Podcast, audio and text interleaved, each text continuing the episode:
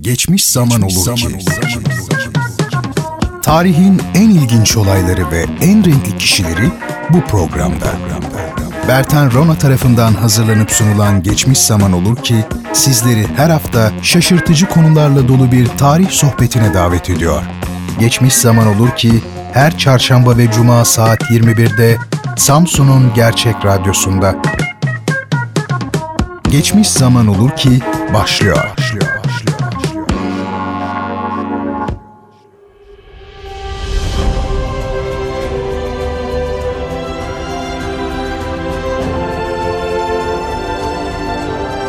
Efendim geçmiş zaman olur ki'den herkese merhabalar. Bendeniz Bertan Rona. Tarih denen kitabın tozlu yapraklarında kalmış ama bir biçimde etkisini günümüzde de hissettiren pek çok ilginç insanı, önemli olayı ve olguyu ele aldığımız bu programı sizler için hazırlıyor ve her hafta çarşamba ve cuma akşamları sunuyorum. Sizlerden gelen dönüşlere bakılacak olursa geçmiş zaman olur ki bir hayli ilgi ve beğeni toplamakta. Bunun için hepinize gönülden teşekkür etmek isterim. Efendim bu bölümümüzde konumuz öyle zannediyorum ki hangi kıtadan, hangi ülkeden olursa olsun hemen hemen bütün dünya insanlarının bildiği, en azından haberdar olduğu çok büyük bir isim. Her ne kadar geniş kitleler tarafından ressam olarak bilinse de çalışmaları resmi ve hatta sanatı çok aşan inanılmaz bir dahi, aynı zamanda bilim insanı, kendinden sonraki kuşakları derinden etkilemiş ve adı Rönesans'ın aydınlanmacı, araştırmacı, sorgulayıcı özellikleriyle özdeşleşmiş olan inanılmaz bir beyin. Leonardo da Vinci. Peki ama günümüzde bir ikon haline gelmiş olan Mona Lisa'sı dışında kimdi bu büyük Rönesans aydını? Hayatı tabi bilinebildiği kadarıyla nasıldı? Nerede doğdu, nerede öldü, hem sanat hayatı hem de özel yaşamı hangi olaylarla karakterize edilebilir? İşte bu soruların cevabını şimdi birlikte arayacağız. Leonardo da Vinci doğumu 1452 Vinci'de Floransa Cumhuriyeti'nde, ölümü ise 2 Mayıs 1519'da Fransa'da. Dehasıyla Rönesans hümanizminin simgelerinden biri olmuş İtalyan ressam, heykelci, mimar ve mühendis.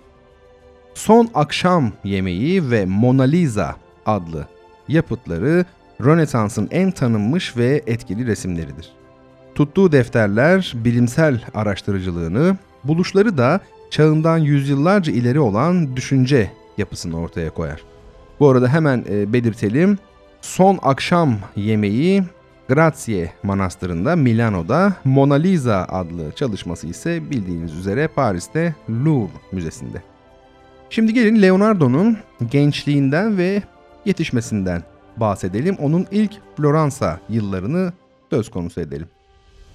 Leonardo, Floransalı bir noter ve toprak sahibi olan Ser Piero'nun evlilik dışı çocuğuydu.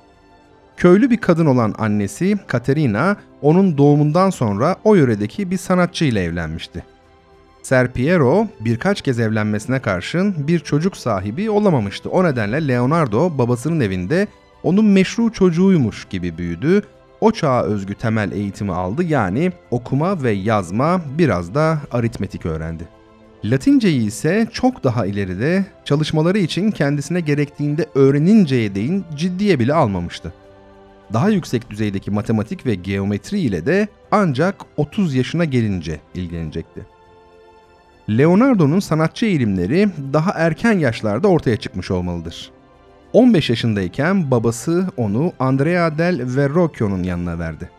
Bu sanatçının atölyesinde çok gönlü bir eğitim gördü. Yalnız resim ve heykel konusunda değil, araç yapımı gibi teknik ve mekanik sanatlarda da bilgi edindi. Aynı zamanda komşu atölyenin sahibi Antonio Pollaiolo'nun yanında da çalıştı. Büyük bir olasılıkla onu buraya bu sanatçının yaptığı anatomi incelemeleri çekmişti. 1472'de Floransa Ressamlar Loncası'na alınmasına karşın öğretmeninin atölyesinde 5 yıl daha çalıştığı anlaşılmaktadır. Bundan sonra da 1481'e değin bağımsız olarak gene Floransa'da çalıştı. Yeteneğinin bu dönemde kendini göstermeye başladığı söylenebilir. Özellikle keskin gözlemciliği ve yaratıcı zekasıyla öne çıkıyordu. Ustalığı ve Verrocchio'nun bazı resimlerine yaptığı katkılar da rahatlıkla görülür. Bu dönemde az sayıdaki yağlı boya resimlerinin yanı sıra kurşun kalem ve mürekkeple de pek çok çizim yapmıştı.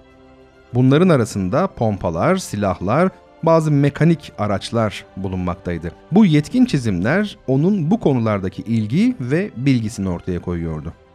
Sevgili dinleyicilerim bundan sonra Leonardo'nun hayatında 1. Milano dönemi olarak adlandırılan ve 1482 ile 1499 arasını kapsayan yıllar geldi. Leonardo 1482'de Milano dükü Ludovico Sforza'nın hizmetine girdi. Bu onun için biraz beklenmedik bir gelişmeydi çünkü henüz 30 yaşındaydı. Ayrıca kendi yurdu olan Floransa'da da ustasının atölyesinde başlamış olduğu bazı yapıtları bitirmek için siparişler almıştı. Büyük bir olasılıkla Milano'da bulmayı umduğu daha serbest çalışma ortamı bu kararını önemli ölçüde etkilemişti. Leonardo, Ludovico Sforza'nın yönetimini yitirdiği 1499'a değin Milano'da kaldı. Kayıtlarda adı Pictor et Ingeniarius Ducalis yani Dük'ün ressam ve mühendisi olarak geçiyordu. Burada ressam, heykelci ve saray eğlenceleri için tasarımcı olarak çalıştı. Ayrıca mimarlık, savunma yapıları ve askerlik konularında danışmanlık yapıyor, su yapıları ile ilgili mühendislik işlerini de görüyordu. Yaşamının bu döneminde dehasının doruğuna ulaştığı söylenebilir. Ama kendi kendine koyduğu amaçların sınırsızlığına bakıldığında onun yaşamını bir bitmemiş senfoni olarak nitelendirmekte olanaklıdır. Efendim Leonardo Milano'da bulunduğu 17 yıl içinde yalnız 6 resim bitirdi. Bunlar Cecilia Gallerani ile bir müzikçinin portreleri, iki çeşitleme olarak yaptığı Kayalıklar Madonnası adlı altar resmi, Santa Maria delle Grazie manastırındaki son akşam yemeği adlı anıtsal duvar resmiyle Sforzesco şatosunun Asse salonundaki tavan resmidir. Bunların dışında yaptığı söylenen 3 resim ise maalesef ortada yoktur. Bunlar ya kaybolmuş ya da hiç başlanmamış resimlerdir. Leonardo'nun bitmemiş yapıtları arasında heykeller de bulunmaktaydı. Sforza soyunun kurucusu olan Francesco Sforza'yı at üstünde gösteren anıtsal heykel bunlardan biriydi. Leonardo bu yapıt üzerinde aralıklarla tam 12 yıl çalışmıştı.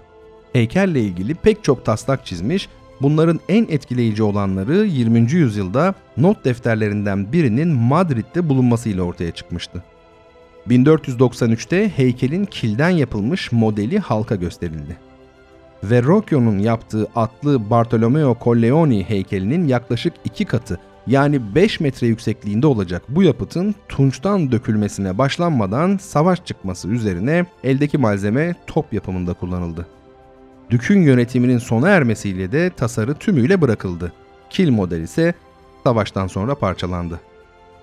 Leonardo Milano'dayken bilimsel çalışmalarla da uğraştı. Bunları düzenli ve neredeyse zamanının tümünü alacak biçimde sürdürüyordu. Gözlemlerini ve deneylerini yazma isteği sanat tarihinde bir benzeri bulunmayan not defterlerini ortaya çıkardı. Büyük bir olasılıkla o çağlarda sanat konularını ele alan yapıtların yayımlanması onun bu davranışı üstünde etkili olmuştu. Leon Battista Albertini'nin Mimarlık Üzerine adlı yapıtı 1485'te basılmış, Francesco di Giorgio ise mimarlığa ilişkin yapıtının ilk baskısını Leonardo'ya armağan olarak vermişti. Piero della Francesca'nın Resimde Perspektif Üzerine adlı yapıtı derinlik çizimini konu olan örnek bir kitaptı. Leonardo'nun arkadaşı olan matematikçi Lucas Pacioli 1494'ü izleyen yıllarda iki kitap çıkarmış. Bunlardan Divina Proportione'nin yani ilahi oran üzerine eserinin çizimlerini de Leonardo hazırlamıştı. Tabi bütün bunlar Leonardo'da düşüncelerini dile getiren bir yapıt yazma isteğini uyandırmış olabilir. Amacı resim bilimi üstüne bir kitap yazmaktı. Bu ifade tabii ki tırnak içinde resim bilimi ifadesi Leonardo'ya ait olan bir ifade. Biri derinlik çizimini, öteki de oranları konu alan Alberti ile Piero della Francesca'nın yapıtları bu yoldaki ilk adımlar olmuştu. Ama Leonardo bunu daha da ileri götürmek istiyordu. Ona göre duyuların en önemlisi görsel algılamaydı. Çevresinde gözlenebilecek ne varsa onları gözlemeye, gözlemlerini de en ince ayrıntılarına kadar yazmaya başladı. 1490-95 arasında onu yaşamının sonuna değin uğraştıracak konular belirlenmişti. Kitaplarından biri resim, biri de mimarlık üstüne olacaktı. Üçüncü konu mekanikti, dördüncüde ise anatomiyi ele alacaktı. Jeofizik, botanik, hidrolik ve havacılık konuları üstündeki araştırmalarını da bu dönemde yaptı. Kitaplardan edindiği bilgilere kendi gözlemleriyle öğrendiklerini de katıyordu. Pek çok çizimle desteklenmiş bu bilgileri sık bir yazıyla not defterlerine işledi. Her biri tek tek yapraklar üstüne yazılı bu notlar binlerce sayfa tutuyordu. Bunlara Leonardo'nun başka yapıtlarından çıkardığı bilgileri, yapacağı resimlere ilişkin taslakları, dinsel ya da sivil mimarlıkla ilgili notlarını da eklemek gerekir. 31 tanesi günümüze ulaşan bu not defterleri çeşitli ülkelerin müzelerinde saklanmaktadır. Sevgili dinleyicilerim, Leonardo'nun notlarında iki özellik kendini gösterir. Bunlardan biri yazıyı tersten yazması, yanlış duymadınız, tersten yazması, öteki de yazılı sözle çizili resim arasında ilişki kurmasıdır. Ters yazı solak olan Leonardo'ya zor gelmemiş olmalıdır. Onun amacı kimsenin okuyamayacağı gizli bir yazı kullanmak değildi. Çünkü bunları okumak isteyen birinin karşısına bir ayna tutarak yazdıklarını açık ve seçik olarak okuma olanağı açıkça belliydi. Oysa o taslaklarını bile bu şekilde yazıyordu. Leonardo'nun notlarındaki ikinci özellik ise yazının yanında çizime verdiği ağırlıktı. Açık ama gene de etkileyici bir anlatım sağlamaya özen gösteriyordu.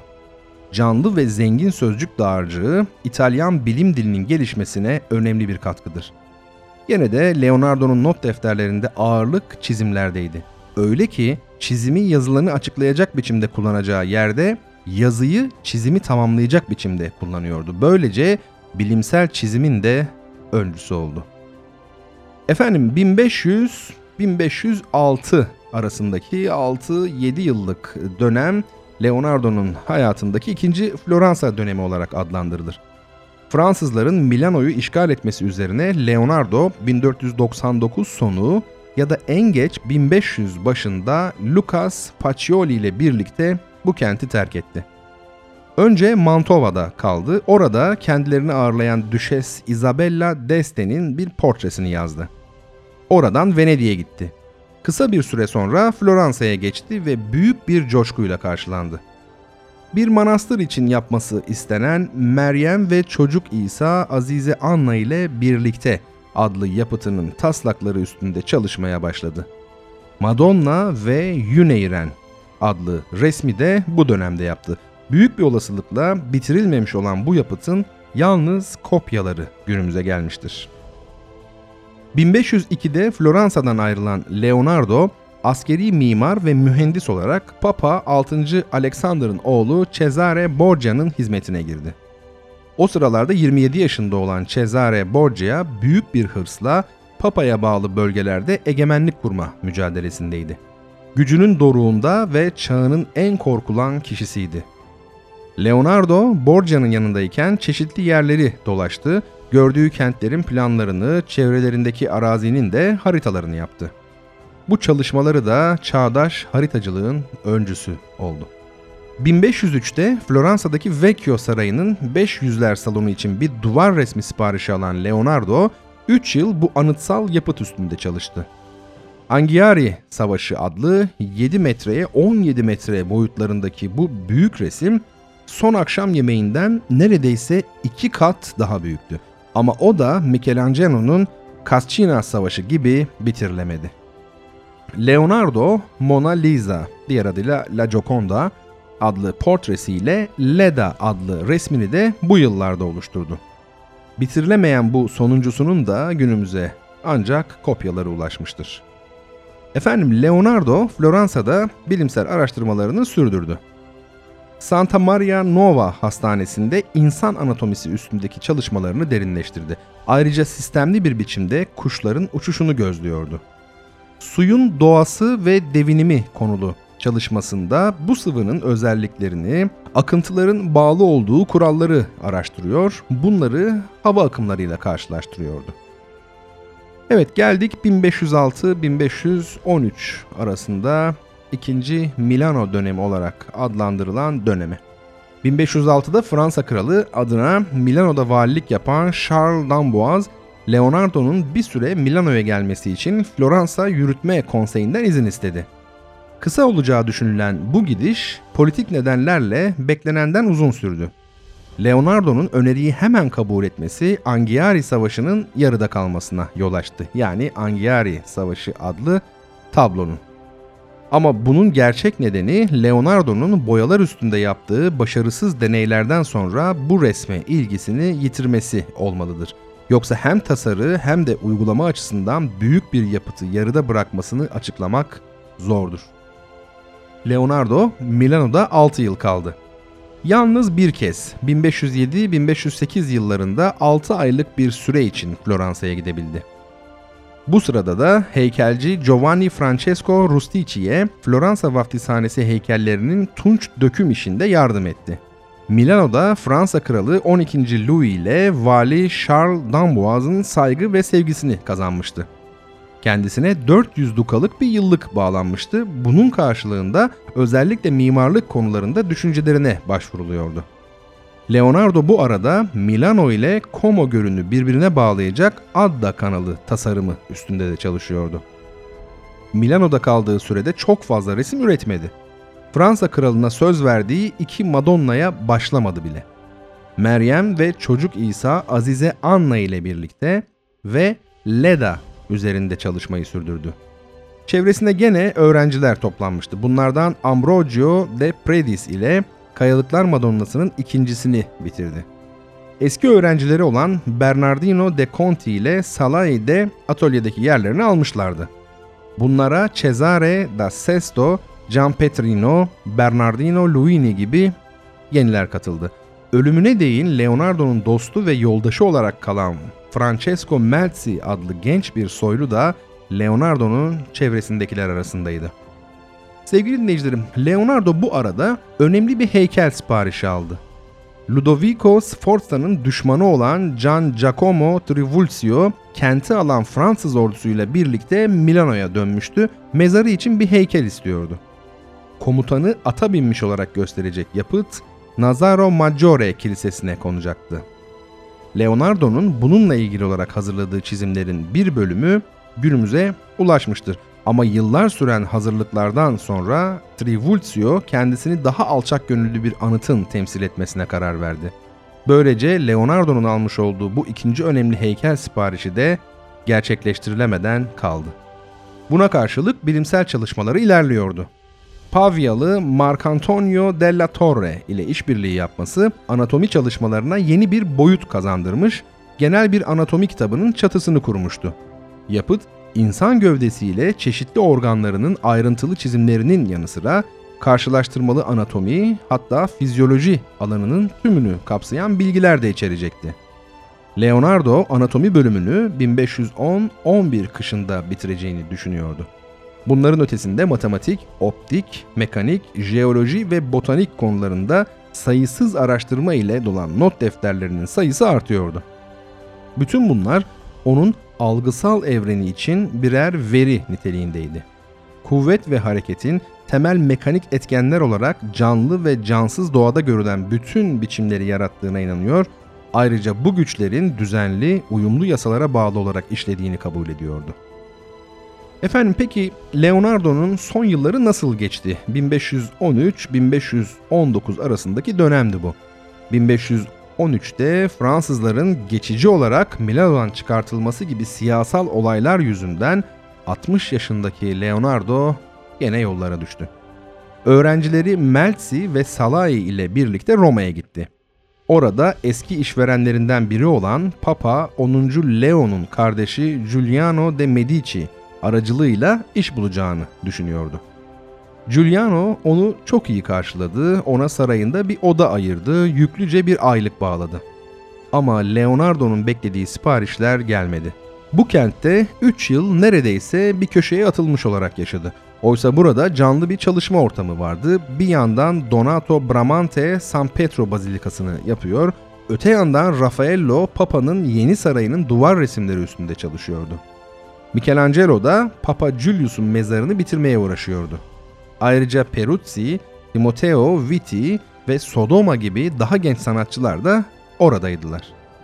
Gönderilmemiş mektup taslakları ya atölyesinde matematik üstünde çalışmakla ya da kenti dolaşıp eski yapıtları incelemekle zaman geçiren bu yaşlı ustanın düş kırıklığını yansıtır.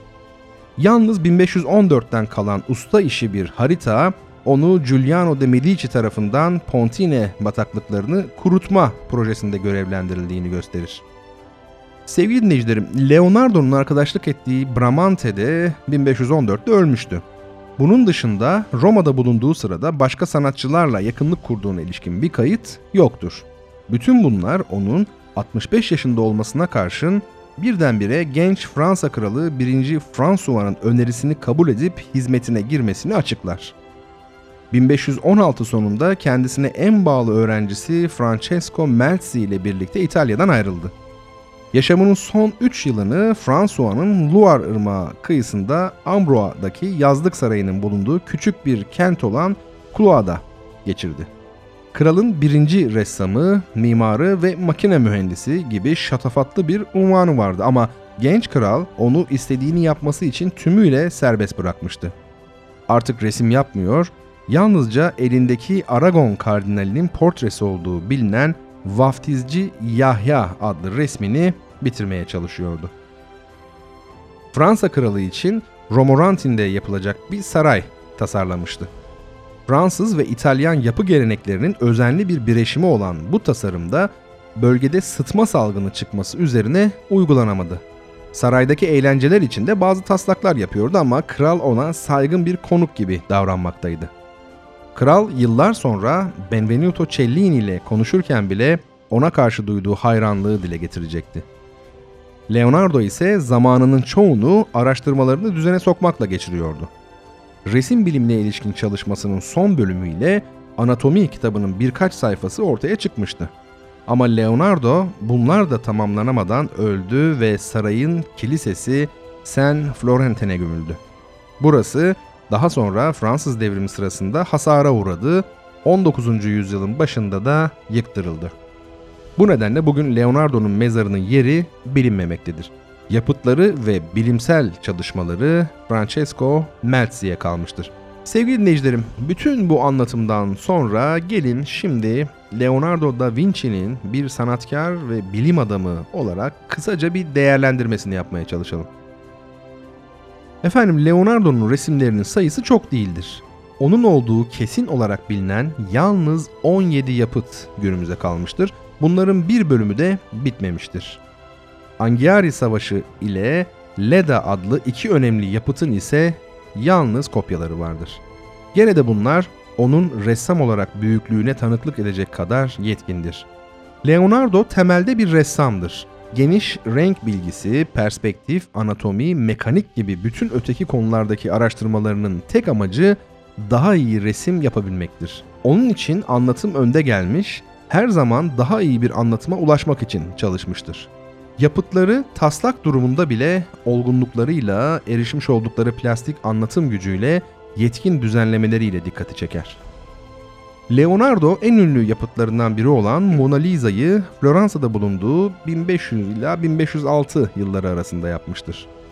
Bir tüccarın karısının portresi olan bu resim, gerek yumuşak çizgileriyle sağladığı üç boyutluluk duygusu, gerekse arka plandaki renklerin maviye kaçarak uyandırdığı derinlik duygusuyla Leonardo'nun bilim alanındaki bilgilerini de kullandığı bir başyapıt olmuştur. Mona Lisa'nın yüzündeki gizemli gülümseme ise yüzyıllar boyunca sanatçılar kadar bilim adamlarının da ilgisini çekmiş, bu anın nasıl yakalandığını açıklamaya çalışan kuramların ortaya atılmasına neden olmuştur. Resim üstünde çalışıldığı sırada bile hayranlıkla izlenmiş, daha sonra da ideal bir portre için örnek sayılmıştır. Leonardo bu yapıt üstünde çalışırken Raffaello'nun onu izlediği, kendisi için taslaklar çizdiği, bunları da daha sonra Maddalena Doni portresinde kullandığı bilinmektedir. Leonardo resmin yanı sıra heykelcilikle de uğraşmış ama iki önemli yapıtı da uygulanmadan taslak halinde kalmıştır. Francesco Sforza ile Mareşal Trivulzio'yu canlandıracak bu heykeller için çizdiği taslaklar günümüze ulaşmamıştır. Bunlar Leonardo'nun nedenli iyi bir gözlemci olduğunu, canlı bir atın oranlarından duruşuna, kaslarının gerginliğine kadar nasıl en küçük ayrıntıları bile kaçırmadığını gösterir. İki yapıt da anıtsal boyutlarda olmak üzere tasarlanmıştır. Leonardo'nun bunları düşündüğü gibi bir seferde tek parça olarak dökebilmesi, çağının teknik olanakları düşünülürse biraz kuşkulu gibi gözükmektedir. Böyle bir girişimi göze almış olması bile onun bu tür sorunlara ne kadar yürekli yaklaşabildiğini gösterir. Ludovico Sforza'ya iş için başvurduğu mektubunda Leonardo kendini deneyimli bir mimar, askeri mühendis ve su yapıları mühendisi olarak tanıtmaktadır. Gerçekten de mimarlık konularıyla yaşamının sonuna değin ilgilenmiştir. Ama bu alandaki etkinliği çoğu kez danışmanlık düzeyinde kalmıştır. Çeşitli yapılar için hazırladığı taslak çizimleri vardır. Bir de Milano Katedrali'nin kubbesi için bir maket hazırlamış ama önerisi benimsenmemiştir. Fransa'da yapılacağını düşündüğü Romorantin Sarayı ile bahçesine ilişkin tasarımları onun bu konuyu hem estetik hem de teknik sorunları başarıyla çözecek düzeyde bildiğinin en iyi kanıtıdır. Daha sonra bulunan not defterlerinden savunma yapıları ile su yapıları alanında da başarılı tasarımlarının bulunduğu, bunların bir bölümünün de uygulandığı anlaşılmaktadır. Leonardo'nun bilimsel çalışmalarının odağı resim bilgisi üstündeki çalışmalarıdır ki az önce söz ettik.